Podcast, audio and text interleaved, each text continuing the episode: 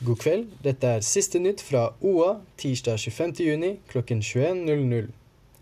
Gjøvik-duoen Even Heggernes og Christian Hager selger bildelingstjenesten nabobil.no til det amerikanske firmaet GetAround for svimlende 100 millioner kroner.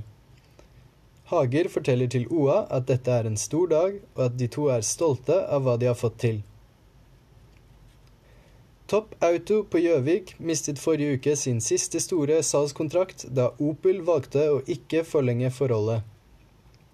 I fjor mistet forhandleren kontrakten sin med Nissan, og det er kun Chevrolet som står igjen. Det er klart det er en stor utfordring for oss, sa daglig leder Eirik Topp, som nå ser etter nye muligheter innen salg av bruktbiler. Snertingdølen Andreas Kvisgaard er nominert til Skamløsprisen 2019 for sin forestilling 'Ingen er homo' i andredivisjon. Han er en av ti håpefulle til prisen som blir utdelt i september.